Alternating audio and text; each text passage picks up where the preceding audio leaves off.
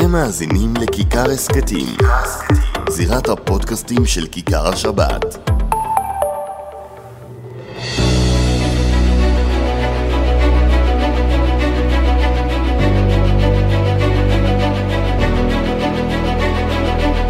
שלום לכם, אנחנו עם פודקאסט נוסף אה, מבית אה, כיכר השבת. אבי וידרמן, שלום. שלום ישי, המון זמן. למה המון זמן? שבועיים וחצי. כן, אבל אתה יודע, בפוליטיקה הישראלית זה נצח. הייתי צריך... אה, זה אה, שלושה סיבובים של מערכות בחירות פה. לבקר כחרדי ראשון אה, במרפסת של הרצל בבאזל. אז- חשת את פעמי ההיסטוריה? חשתי את פעמי ההיסטוריה. אתה יודע מה, אני אגיד לך משהו אחד על האירוע הזה. הייתי עם הסוכנות שם, עם ההסתדרות. למדתי שהרצל, עם כל המחלוקות שהיו סביבו, והיו לא מעט מחלוקות, אי אפשר להסתיר אותה, היו לו הרבה נגיעות של יהדות. זאת אומרת, משמעית. שבת לפני ההכרזה שלו הגיע לבית הכנסת ועלה לתורה, ושגדולי ישראל דאז נתנו לו מתנה ספר תורה אישי. אתה ידעת את זה? לא, את זה לא הכרתי. ספר תורה אישי, ראיתי את הספר תורה שכתבו במיוחד בשביל הרצל, ואתה יודע, עוד דוגמה ששמע, יש ספר שהביאו לי עם הספדים של גדולי ישראל דאז, אחרי מותו של הרצל. מדהים. דברים, אתה יודע, תמיד לומדים עוד ועוד, ואני חושב שלמדתי את זה, אבל לא על זה אנחנו הולכים לדבר היום. בוא, בוא- נדבר על התוצאות המאזינים של מה חושבים שהוא עשה. לדבר על הרצל, אז אה, לא, לא מדובר כאן בפודקאסט אה, בשיתוף. אה, אנחנו נתחיל לדבר עכשיו, והנושא המרכזי שלנו היום, פריימריז במפלגות החרדיות, כן או לא. עכשיו, אבי, מהנקודת מבט שלך, אני עוד רגע אצלול גם לאירוע החרדי כאן, אני רוצה קודם כל את הנקודה שלך כמי שראה הרבה מאוד בפוליטיקה הישראלית, עד כמה פריימריז, אם אנחנו נניח בצד את השאלה פריימריז במפלגות חרדיות כן או לא, עד כמה פריימריז באמת מחברים בין הציבור לנציגים, בין האזרח לנציג הציבור, לחבר הכנסת. אתה שואל שאלה נורא נורא מורכבת, כי פריימריז זה חתיכת אירוע. ורוב המפלגות היום במדינת ישראל, יש בהן פריימריז מסוג מאוד מאוד מסוים, שמאפשר בתוכו דבר שנקרא מפקדי ארגזים. וברגע שאתה מכניס את מפקדי הארגזים לסיפור, לקול החופשי יש הרבה פחות משמעות ממה שהיינו רוצים שיהיה לו. בואו נגיד מהאידאה של הפריימריז. אגב, יש מפלגה אחת היום שכן הצליחה לעשות את זה בעיניי, וזה מפלגת העבודה, שבה ראית שמפקדי הארגזים פשוט לא עבדו. זאת אומרת, זה לא שלא היו, היו, פשוט לא עבדו. אבל ברוב המפלגות, מפקדי הארגזים הם שמכריעים, ואז קבלני הקולות ולכן, עובר ולכן הכוח. אתה אומר, לכן אתה אומר, שאם אנחנו רואים עכשיו רשימה כלשהי ב- בליכוד, בעבודה, במרץ, לא תמיד זה משקף את מה שמצביעי הליכוד רוצים, אלא זה יותר מי שיש לו יותר כוח בתוך הארגזים, כמו שאתה קורא להם. נכון, חד משמעית, מה שהיה נהוג לקרוא פעם קבלני קולות. אבל אני חייב להגיד באותה נשימה, שיש לנו... התואר של חיים כץ. זה, הוא אחד מהם, כן. אבל uh, היום, היום לדעתי הוא הוריש אותו לבנו, זה תואר שעובר בירושה, כמו תואר, תוארי הצלו ב, באירופה. Uh, בכל מקרה, אני, מה שחשוב לי להדגיש, שזו שיטה שהשתרשה בישראל, אבל היא שיטה מסוג אחד. יש שיטות אחרות לפריימריז. בעיניי טובות יותר. Uh, דוגמה, uh, יש שיטה שנהוגה באנגליה, שבה uh, יש ועדה, שילוב של ועדה מסדרת ופריימריז, כלומר, uh, יש ועדה מסדרת שבוחרת, לצורך העניין, אני אתן לך דוגמה, 40 מועמדים, אבל מי שמדרג אותם זה, אה, בוח... אה, זה אה, חברי המפלגה. זאת אומרת, יש לך פול של 40 ומתוכם הדירוג נעשה על ידי חברי המפלגה, זה הפריימריז. אגב, יש שיטה הפוכה בדיוק, שבה אה, אה, חברי המפלגה בוחרים 40 מועמדים לצורך הדוגמה, וועדה מסדרת מדרגת אותם. זאת אומרת, יש איזשהו אה, איפה יש את שקילה. השיטה של יאיר לפיד? צפון קוריאה?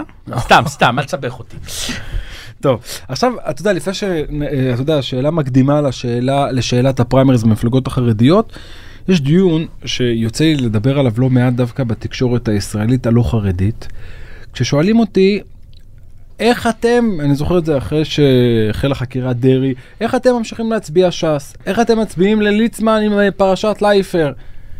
ואני תמיד מסביר, ואני זוכר ראיון שהיה לי עם רזי ברקאי, נראה לי סביב אירוע דרעי, שאמרתי לו, רזי, חסר לך את ההבנה הבסיסית. לא משנה מי עומד בראשות ש"ס, גם אם זה יהיה רזי ברקאי או נורית העורכת שלך, אני אמשיך להצביע ש"ס, כי אני לא מצביע ש"ס לאריה דרעי או לאריאל אטיאס או למיכאל מלכיאלי או משה ארבל. אני מצביע ש"ס למועצת חכמי התורה, למרן הרב עובדיה יוסף זצ"ל, לחם שלום כהן, להנהגה. ו- וזו השאלה, האם יש לחרדי זכות בחירה או זכות הצבעה? ואני אני מסתכל על זה במקום של לחרדי אין זכות בחירה באמת. אנחנו נדבר על מה שקורה היום יותר ויותר, אה, אה, איך אומרים, השוליים התרחבו וזה כבר לא מה שקרה לפני, מה שלא, מה שלא היה כאן לפני עשור, שרוב ככל החרדים היו הולכים קו ישיר עם אה, המפלגות החרדיות, היום יש לך שוליים רחבות שאומרים, אתה רואה, ראינו את הסקרים, הסקר שהבאת לנו אה, בשבוע שעבר, 21% שמצביעים לאיתמר בן גביר ובצלאל סמוטריץ', כן, כן. נכון? זה, זה לא מה שהיה בעבר, אבל עדיין כשאתה מסתכל על הנתח המרכזי של הציבור החרדי, לא מעניין אותו באמת מי עומד בתוך המפלגה, האם זה אריה דרעי, או שזה יהיה גם אבי וידרמן, זו אגיד- האמת. אני אגיד לך יותר מזה, אני חושב שגם uh, בציבוריות הישראלית זה לא, זה לא דבר זר. כלומר, גם בליכוד לדעתי uh, הנתונים יהיו דומים, לאורך השנים אגב. זאת אומרת, uh, אחרי מנחם בגין הגיע יצחק שמיר, אנשים הצביעו לליכוד, הם לא הצביעו לשמיר. ואני אגיד יותר מזה, אני חושב שגם מפלגת העבודה... היום מצביעים לנתניהו האיש. הרוב. אה, ואני אני, אני אסתכן ואומר שגם יום אחרי נתניהו, גם יום אחרי נתניהו, אנחנו נראה נתונים מאוד דומים להצבעה לליכוד. זאת אומרת, הליכוד לא ירד מ-30 מנדטים, גם אם יעמוד בראשו עציץ. כי לליכוד יש איזושהי דרך לא, שהוא אבל ראיתי מוביל. סקרים אבי, בחודשים האחרונים, ערב, הבא, כשעוד היה, הייתה את השאלה אם אה, נתניהו הולך לעסקת טיעון. ואם זה יהיה ניר ברקת, או יוסי כהן, או ישראל כץ, ואני זוכר בנתונים שראיתי אז בשלושת הערוצים, זה שניר ברקת היחיד שעוד עומד על מספר דו-ספרתי גבוה, והשאר יורדים ממש בעשרה מנדטים אני, כמעט. אני, אני אישית מפקפק בזה, אני מבין מאיפה התוצאות מגיעות, אבל אני חושב שברגע האמת אנשים מצביעים לליכוד. ואני אגיד לך יותר מזה, גם מפלגת העבודה נהגה ככה המון שנים, ויש גם ערך לדרך, יש גם ערך לאידיאולוגיה שמפלגה מביאה. אה, זה הולך ונמוג. אני כן מסכים עם האמירה הזאת שזה הולך ונמוג, אבל זה קיים גם מחוץ לח- לחברה החרדית. מה בחזרה לחברה. החרדית, כשאנחנו יוצאים מנקודת הנחה, עכשיו אני מדגיש את זה לפני שאני צולל ואומר את דעתי על פריימריז במפלגות החרדיות, לפני שיוצאים בכלל לשאלת הפריימריז, צריך לזכור, בסוף בסוף רוב הציבור החרדי מצביע על הסיעות החרדיות בגלל גדולי ישראל, ועשית ככל אשר ירוך נטו. ולכן למרות שיש ביקורת קשה על אריה דרעי וסיפור הסמינרים ועל יהדות התורה, ב... אה, אה, יש הרבה ביקורת לציבור היום, זה לא מה שהיה בעבר. וגם התקשורת הדיגיטלית היום, והר... וערוצי הרדיו והעיתונים שכבר לא כפופים למפלגות החרדיות. אין... הציבור לא ניזון רק ביתד נאמן או ביום ליום של אז. ולכן הציבור הרבה יותר מעורב והרבה יותר ביקורתי כלפי הנציגים שלו, ועדיין רובם מצביעים. אם כי, כוכבית גדולה, אבי, דיברנו על זה בפודקאסט הקודם, ש"ס איבדה למעלה מ-35 אלף מצביעים, יהדות התורה איבדה למעלה מ-25 אלף ואנחנו מצביעים. רואים את המשך המגמה הזאת. נכון, וזו, זה, זה השוליים שדיברתי עליהם בתחילת דבריי, שהשוליים מתרחבות מאוד מאוד מאוד. אני אגיד לך יותר מזה. אני מוכן להסתכן ולומר שבעשור הקרוב אנחנו כבר נראה פריימריז במפלגות החרדיות, אני חושב שזה תהליך בלתי נמנע. א', כי המפלגות החרדיות מאבדות מצביעים כל פעם, ש... כל... בכל סיבוב שאנחנו עוברים, וגם, וב', אנחנו רואים יותר ויותר דרישה אה, לא... לאירוע הזה שנקרא פריימריז. לפני שאני אביע את דעתי, תן לי את תוצאות סקר של המכון שלכם, נתוני אמת, על, השאלת, האם, על השאלה אם לדעתך צריך פריימריז למפלגות החרדיות. אז אנחנו סוקרים את השאלה הזאת כבר מספר חודשים, ואנחנו רואים את העלייה הדי דרמטית בתשובות. אני יכול להגיד לך שהסקר של החודש, סקר אוגוסט, שפענחנו אותו אה, ממש השבוע, אנחנו עומדים כבר על 64 אחוזי תמיכה. בפריימריז במפלגות החרדיות. זה נתון של שני רוב שליש. ניכר. זה דרמטי. לכן אני אומר שזה תהליך שאי אפשר לעצור אותו כבר. זה ייקח עוד שנה, עוד שנתיים, עוד שלוש, אבל בסוף זה יקרה. טוב, עכשיו כאן אני צולל איתך לשאלה פריימריז כן או לא. אני מסייג את דבריי, בסוף בסוף בסוף ההחלטה בנושא כזה, אם תהיה, אם תהיה, גם אם זה יקרה עוד עשור או עוד חמש שנים, היא תהיה הכרעה של גדולי ישראל. אז כל עוד שגדולי ישראל לא חושבים כך, אנחנו נהנים לדבר על זה בפודקאסט, בפרשנים, בפוליטיקה. זה לא ש... אנחנו לא מביעים כאילו, אומרים זה מה שצריך לעשות, לפחות אני מדגיש את זה מהצד שלי, אלא אנחנו מדברים על הנושא. וכאן אני רוצה לומר, עמדתי שאם היו מקיימים פריימריז בש"ס ויהדות התורה, הרשימות היו נראות אחרת, הציבור היה מקבל הרבה יותר ממה שהוא מקבל היום. אני רואה את זה יותר ויותר, שמצביעים חרדים לא מרגישים שהפוליטיקאים ברובם, החרדים, מייצגים אותם, זו האמת, אי אפשר להתכחש לזה. עדיין הם מצביעים. שוב, אני אומר, גם אני, שיש לי הרבה מאוד ביקורת לעיתים על ש"ס, על התנהלות שלה בסמינרים שהזכרתי קודם לכן, יש לי ביקורת. עזוב את תפקידי כעיתונאי בכיכר השעות, אני מדבר כאזרח שמצביע ש"ס, יש לי הרבה ביקורת מעת לעת על נציגים בתוך ש"ס. האם זה יגרום לי לא להצביע ש"ס? התשובה היא לא. האם אני ברמה האישית, כשאתה שואל אותי ישי, אתה רוצה שפלוני אלמוני ברשימת ש"ס יפעל אחרת מול הציבור שלו במקום פלוני? התשובה היא כן, ולכן אני חושב שפריימריז יכולים לשנות את כל התמונה. ונתתי לך דוגמה, בית כנסת, שהיום צריך עזרה. אני מדבר איתך בית כנסת בשכונה חרדית בירושלים. הגבאים שם היו צריכים עזרה מול העירייה, היה להם בלאגן, רצו להרוס, רצו לקחת להם קומה, סיפור ארוך. פנו לנציגים החרדים, שמעו, שמעו, שמעו, לא באמת עזרו. פנו לחבר כנסת מהליכוד, שניים, בתוך שבוע האירוע נפתר. מדהים. למה? כי זה היה ערב הפריימריז. והם ידעו שבבית כנסת יש כמה חבר'ה מהליכוד. האם, אתה, האם אני חושב היום, שאם היו פריימריז בש"ס לדוגמה, שוב, סוגריים אני אומר את זה כרעיון פוליטי, לא, כי בסוף גדולי ישראל יכריעו באירוע הזה, אבל אני מדבר על הרעיון. אם היו פריימריז בש"ס, ויש נכון לשעה הזו שאנחנו מקליטים את הפודקאסט הזה, עשרות בנות בירושלים ללא סמינר, זו האמת.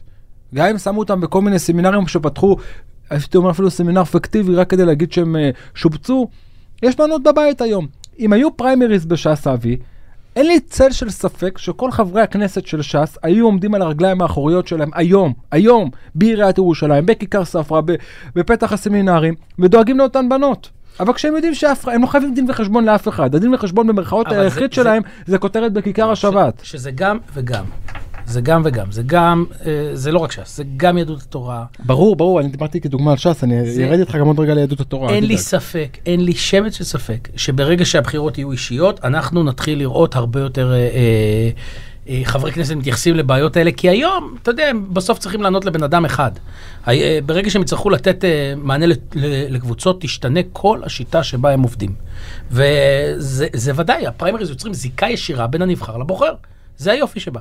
ושוב אני אומר, זה לא חייב להיות אה, פריימריז אה, של uh, אללה באב אללה. זה יכול להיות פריימריז מבוקרים, זה נהוג בשיטות דמוקרטיות, זה לא משהו שאנחנו ממציאים. שוב, אמרתי, אני מסכים איתך ברעיון, אבל שוב, אנחנו חוזרים לאותה נקודה תמיד, האם לחרדי יש זכות בחירה או זכות הצבעה, ואני חושב שבסוף רוב החרדים מסכימים עם עצמם שזה שהם מצביעים לש"ס או יהדות התורה, הם לא מצביעים כי הם אוהבים את גפני או את גולדקנופ או את דרעי ואטיאס, אלא כעיקרון מצביעים לרבנים. ו... אבל זה, זה עיקרון שהולך ונשחק. נכון, והעניין הוא, וזה בדיוק זה מה שאני בא לומר, אתה רואה מה קורה בשנים האחרונות. הירידה של ה-35 אלף לש"ס ללא גידול טבעי, שהגידול טבעי זה עוד כמה אלפי קולות, בתוך שנה, אנחנו לא מדברים על פער של 4 שנים בין בחירות לבחירות, תוך שנה. יהדות תורה 25 אלף מצביעים. אנחנו לא יודעים איך זה יסתיים בבחירות הקרובות. זה מלמד אותנו שיש הרבה מאוד צעירים, בעיקר צעירים, שאומרים, וואלה, זה בסדר גם להצביע לבן גביר וסמוטריץ'. נכון, זה בסדר גם להצביע, נכון. אתם כל היום צועקים לנו כמה ביבי הוא מלך ישראל, מגיע לכותל, אתם צועקים שואגים וביבי צריך אריה חזק. אולי נצביע לו ישירות, למה להצביע לחיקוי? ואתה רואה את זה קורה, עשרות אלפי מצביעים כאלו. ואני חושב שפריימריז יכולים למנוע את זה. אני מסכים איתך, אני חושב שזה גם חלק מהסיבה שאנחנו רואים את אחוזי ההצבעה בחברה החרדית יורדים בהדרגה. לא משהו תלול, לא משהו דרמטי, אבל לאט לאט אנחנו רואים ירידה באחוז ההצבעה. כשאתה מצרף את זה לגידול הטבעי, אתה מבין למה אגודת ישראל, דגל התורה וש"ס לא מצליחים להביא יותר מנדטים. הרי לכאורה אנחנו היינו יכולים להיות מעל 20 מנדטים. אה, ואני חושב שפריימריז יכולים לחזק מאוד את המפלגות החרדיות. זאת אומרת, לטובת האינטרס החרדי, יש פה מי שבאמת רוצה לשמור על ה... על, ה, על המפלגות החרדיות צריך להתחיל לחשוב ברצינות מאוד על הפריימריז, וזה גם מה שהמספרים אומרים, אנחנו מדברים פה על שני שליש, זה מספר עצום, שאומרים חבר'ה צריכים לחשוב על הדברים האלה. אגב, וכאן אם אנחנו רואים את התחלופה דוגמה, אתה רואה את ההבדל בין ש"ס ליהדות התורה. בש"ס אריה דרעי היה מספיק חכם באירוע הזה כדי לנקות את רשימת ש"ס מכל הדור היותר ותיק. שם לך שם צעירים, משה ארבל, מיכאל מלכיאלי, ינון אזולאי, אה, אה, אה, אוריאל בוסו, באמת רשימה של צעירים מייצגים את השטח, מכירים את השטח מצוין. אה, יוסי טייב, לא רוצה לשכוח שמות ו- וכולי. ביהדות התורה זה נראה אחרת. אתה יודע, אמרתי, כשאריאל אטיאס פרש, אז ישר יכלו לצוץ השמועות, האם הוא פרש כי, יש פרש כי יש לו תיק פלילי ברקע, או כי יש לו, הנה עברו, עברו כבר שבע שנים, הוא יכול לחזור למודאגים, ואז כתבתי טור שבמגזר, בטח הספרדי, התרגלו שלא פורשים, ואם פורשים זה לטובת מושב זקנים או לכלא מעשיהו. והגיע אריאל אטיאס ולימד אותם שאפשר לפרוש מהפוליטיקה ולעשות לביתך. וביהדות התורה עוד לא למדו את זה. ואני חושב שזה חלק מהבעיה. תראה, אנחנו מסתכלים קצת על פילוח של הנתונים, אנחנו רואים שכששואלים אם צריך פריימריז במפלגות החרדיות, אז בחסידים, כלומר אגודה, 74 אחוז חושבים שצריך פריימריז. זאת אומרת, תראה איזה מספר דרמטי, זאת אומרת, אנחנו מדברים פה על מספר, אתה יודע, אי אפשר להתבלבל במספרים האלה. ובליטאים 65, ואילו בש"ס, כמו שאתה אומר, הדרישה היא הכי נמוכה. היא קיימת, היא גבוהה מ-50 אחוז, אנחנו מדברים 55 אחוז. אגב, כי בש"ס קודם כל אין לך תתי קהילות. כמו שיש לך בחסידים, שבחסידים דוגמה, יש לך חסידות סלונים בשביל הרעיון, שאומרים לך, למה ויז'ניץ קיבלו נציג, למה בז קיבלו נציג ואנחנו לא, למה כולנו נמצאים תחת ההגדרה שיש לו עם האמונים? ולכן אתה רואה את הדרישה יותר לפריימריז בתוך, אגב, בעבר היו פריימריז ב... נכון, באגודת ישראל. נכון, זה גם לא רעיון חדש. אני, לכן אני, אני לא רואה פה איזושהי דרמה בלעשות אותם, ואני, במספרים האלה, אנחנו יודעים, בדרך כלל כשיש כאלה מספרים... אני, אני חוזר עוד פעם מה שאמרתי לך, וזה, וזה האירוע כאן, האירוע האמיתי בסקר שאתה הצגת. עם הכוכבית הגדולה שרוב ככל הציבור החרדי מצביע למפלגות החרדיות בגלל הרבנים, בשביל הרבנים. אבל עדיין, החרדי הממוצע, כשהוא צריך איזושהי פנייה לחבר כנסת, הוא לא יכול להשיג אותם באמת. הוא מגיע ל... אתה יודע מה, אני אתן לך יותר מזה. ביום שיהיה פריימריז היוצרות יתהפכו. אני אתן לך דוגמה, אחד הח"כים הפופולריים בש"ס קוראים לו מיכאל מלכיאלי. יושב ראש סיעת ש"ס. הוא נחשב, אתה רואה אותו בציבור, אחד הפופולריים ביותר, אני חושב שהוא מהשלישייה הפותחת של ש"ס אחרי דרעי. אז לדעתי הסיבה שהוא כל כך פופולרי בציבור הספרדי, חרדי והפריפריה, כי מספר הטלפון שלו מפורסם בכל חג, הוא מוציא מכתב, אה, סטיקר כזה, מיכאל מלכיאלי, מספר טלפון שלי, מספר טלפון של כל העוזרים שלי. מדהים. וכולם ו... יוצרים, אני יושב איתו לפעמים בלשכה, יושבים בכנסת עם השני. והוא עונה. ואתה רואה אותו כל עשר דקות, הוא לא עונה לכולם בבת אחת, הוא חוזר, הוא מתקשר, אין כמעט אזרח שרוצה לתפוס את מיכאל מלכיאלי ולא תופס אותו בתוך שעה. יש לזה משמעות. חד משמעות. והיום הנציגים החרדים לא באמת מייצגים את הציבור שלהם בקטע הזה. אם היו פריימריז בש"ס, הוא כנראה היה מגיע או למקום הראשון או למקום השני. בשלישייה הפותחת, אני אומר את זה בוודאות. וזה היה סיפור כאן, ואני חושב שהיום לא מעט חרדים, אתה מרגיש, הם אומרים לך, אנחנו מצביעים ש"ס, מצביעים ליהדות התורה, כיף לנו, עשית, אני אומר לך את האמת. אז ישי, כמה זמן זאת יכול לא, להימשך? לא, לא יודע, הנה, קח אותי, כמה זמן זה יכול להימשך? כמה? אני לא צעיר, אני עכשיו כביכול מהשוליים המתרחבות, בן 31, צעיר משלנו. אני מצביע, אין לי שום אפילו יצר הרע לשים בקלפי פתק שהוא לא ש"ס. גם בימים שהיה לי את הביקורת הכי קשה על דרעי. למה? כי אני אומר, יש שם מרן הר עובדיה, מצביע בשבילו, לא אכפת לי עכשיו כל מה קורה בפוליטיקה. אבל ביום יום, ביום שאחרי הבחירות, שאתה רואה מהלך של ש"ס, שאתה אומר למה הם עשו את זה, אני שוב פעם אומר לך, לא מהצד העיתונאי, אלא מצד המצביע האזרח. בסיפור הסמינרים, בכל מיני אירועים, שאתה אומר למה, למה, ואתה יודע, אם היו פריימריז, זה היה נראה אחרת. אגב, אותו דבר, והרבה יותר ביהדות התורה. כל האירוע סביב הפיצול ביהדות התורה, אם היו פריימריז ביהדות התורה, לא היה לנו את כל האירועים האלו. ברור, כי הרי אנחנו, אה, האירוע התחיל בכלל בגלל אה, גולדקנופ, המשיך אה, בשלוש-שש ובתסכולים שהוא יצר, אז ודאי, ודאי. אני חושב שהיה, אם, אם היה ביהדות התורה באמת אה, פתיחות לפריימריז, אני חושב שלא היינו באירוע של... אה, שמדברים בכלל על פיצול. לא, אנחנו כבר הרבה הרבה הרבה אחרי הדיבור על פיצול, אנחנו כבר נמצאים... רגע, אתה חושב שיהיה פיצול? אני אגיד לך אחרת. אם לפני שבועיים וחצי שדיברנו, בחדר הסמוך, שאלת אותי, יהיה פיצול, אמרתי לך, עזוב אותך, כל שטויות זה ספינים, בסוף ירוצו ביחד, אנחנו כתקשורת נהנים מהאירוע, הנה יש קצת בלאגן בתקופת עונת המלפפונים. היום אני אומר לך, זה הרבה יותר מ-50% שיהיה פיצול. וואו. עכשיו, אני עדיין אומר, יש לנו שבוע וחצי עד סגירת הרשימות, זה הרבה מאוד, הרבה מאוד מאוד מאוד זמן בשביל לסגור את האירוע הזה, גם בתוך שעה אפשר לסגור. אני כן רואה התכנות מאוד סבירה שברבע ל-12, ברבע ל-10 ביום חמישי הנציגים נכנסים לכנסת, וברבע ל-12 ניגשים ליושב ראש ועדת הבחירות ומגישים לו רשימה משותפת. זה הכי סביר שיכול להיות. אבל האירוע יצא משליטה. האירוע יצא משליטה, זו הגדרה. הגדיר לי את זה אחד החברים הקרובים ביותר לבית הגאון רב גרשון אדלשטיין. הוא אמר לי, רב גרשון קיבל החלטה שרצים לבד. זו ההחלטה. כדי לשנות אותה צריך לקרוא אירוע דרמטי עם בלז. זה יקרה, ההחלטה תשתנה. לא, ההחלטה תישאר. זה לא שדנים האם לרוץ בנפרד, אלא התקבלה ההחלטה. עכשיו זה בידיים שלהם. לכן, האירוע הזה נראה לי יצא משליטה, ואנחנו קרובים מאוד לרגע של פיצול שלא היה לנו קרוב, קרוב ל-30 שנה, נראה לי מתשמ"ט. שלא היה... שנה מפורסמת. נכון, שהיה, ואז באמת היה דם ותמרות עשן ברחובות. אנחנו מדרדרים למקום עוד, הזה. עוד, עוד משהו על המספרים. זאת אנחנו רואים את המספרים, את התמיכה בפיצול שהיא כל כך דרמטית, כל מפלגה שהיו בפריימריז, אפרופו השאלה הקודמת שלנו, הייתי אומר לך בוודאות יהיה פיצול. אבל מכיוון שאין פה פריימריז, אז המספרים פה הם לא משחקים תפקיד, זה רק בסוף אה, אה, המועצות למיניהן שיכריעו בשאלה הזאת. זה לא מועצות כבר, זה הגיע לידיים, זה נמצא בידיים של שניים. מרן ראש הישיבה הגאון רבי גרשון אדלשטיין, מרן האדמו"ר מבלז. הם השניים שהחליטו בסוף, אם האדמו"ר מבלז יגיע לפשרה בסוגיית מתווה החינוך של אה, חסידות בלז של מוסדות החינוך, האירוע יסתיים. לא, יהיה, לא תהיה פשרה, האירוע יגיע עד בחירות אה, של דגל ואגודה רצות בנפרד, אנחנו קרובים לשם. ואתה יודע, זה גם, מאחורי הקלעים יש גם רצון של שתי הסיעות להוכיח אחת ולתמיד כמה כל אחת שווה. הרי דגל התורה אומרים לך, הנה ירושלים כהוכחה של שלוש, אנחנו כמעט פי שתיים ממכם. אגודה אומרים לך, יש לך מלא ערים שאתם לא התמודדתם, או שהתמודדתם והבאנו כפול ממכם, קח את אשדוד, קח את ערד, קח את אה, נתניה שיש עליה מחלוקת, לא חסר ערים שאומרים לך אגודה, אנחנו יותר גדולים ממכם בפער. ולכן אומרים, אם יהיה בחירות שרצים לבד, אחד ולתמיד ידע כמה קולות שווה כל סיעה. האם זה שווה, אתה יודע, אני יכול לספר לך שנתניהו, סוגריים, בניגוד לסמוטריץ' ובן גביר, שאותם הוא יוכל להזמין לבריכה בקיסריה ביום שישי, את גפני ופרוש הוא לא יכול להזמין כי זה גם לא בידיים שלהם. אבל נתניהו בלחץ אמיתי, נתניהו יודע שהוא יכול לאבד את הבחירות על האירוע הזה. חד משמעית, אבל תשמע, גם יכול מאוד להיות שדווקא זה יגדיל את כוח הסיעות.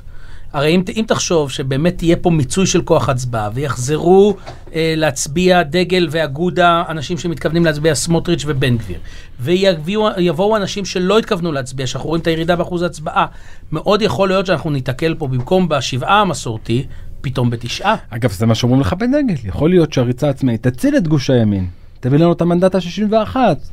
אולי אפילו את ה-62. בדגל לא מאמינים שיש סיכוי ל-61, עזוב את כל ה... מלכתחילה. כן, אתה אומר, אין יאו. כן, עזוב, נו, כל הרעיונות שהם מספרים לנו, מאחורי הקלעים שאתה מדבר איתם, אתה שומע שהסיכוי ל-61 קלוש מאוד, או שצריך נס.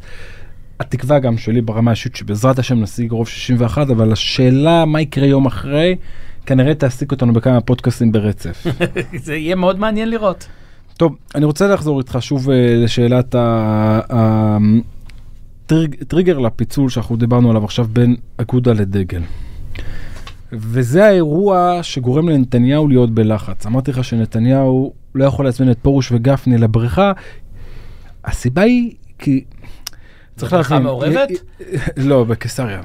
תלוי מי- שילם על המים, אתה רוצה לפתוח את כל הסיפור עכשיו מחדש? בוא, תמלילי החקירות נתניהו. אני רוצה להגיד לך אחרת. אם אתה שואל אותי, גפני ופרוש מתפללים כל ערב שהאירוע יסתיים היום. לא מחר, כל ערב שזה יסתיים בחצות לילה. הם לא רוצים את הריצה הנפרדת באמת, וכמו שלנתניהו אין שליטה, גם להם יש שליטה. אין להם שליטה על האירוע. וכשאין לך שליטה על אירוע זה מתסכל אותך הרבה יותר. גפני היה ביממה האחרונה, ביומיים האחרונים אצל רבי גרשון אדלשטיין.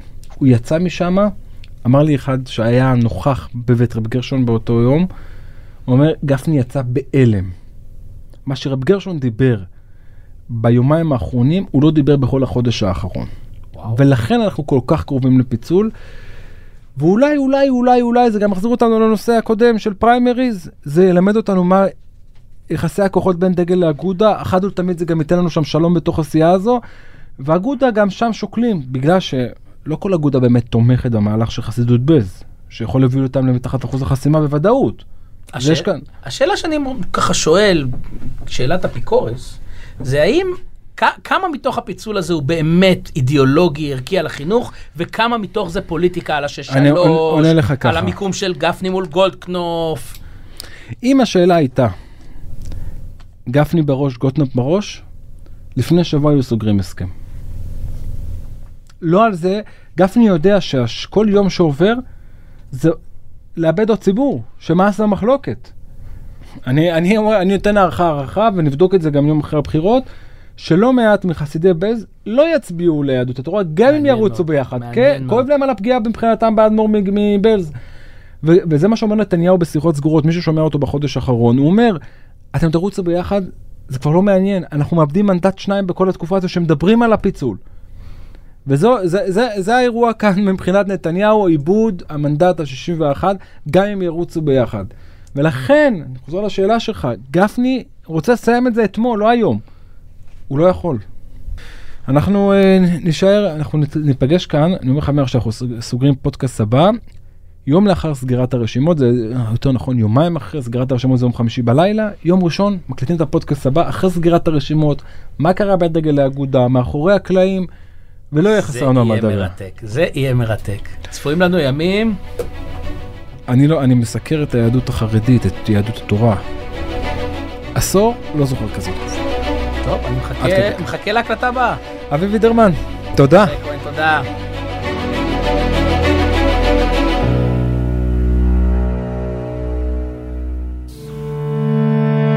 אתם מאזינים לכיכר הסכתים, זירת הפודקאסטים של כיכר השבת.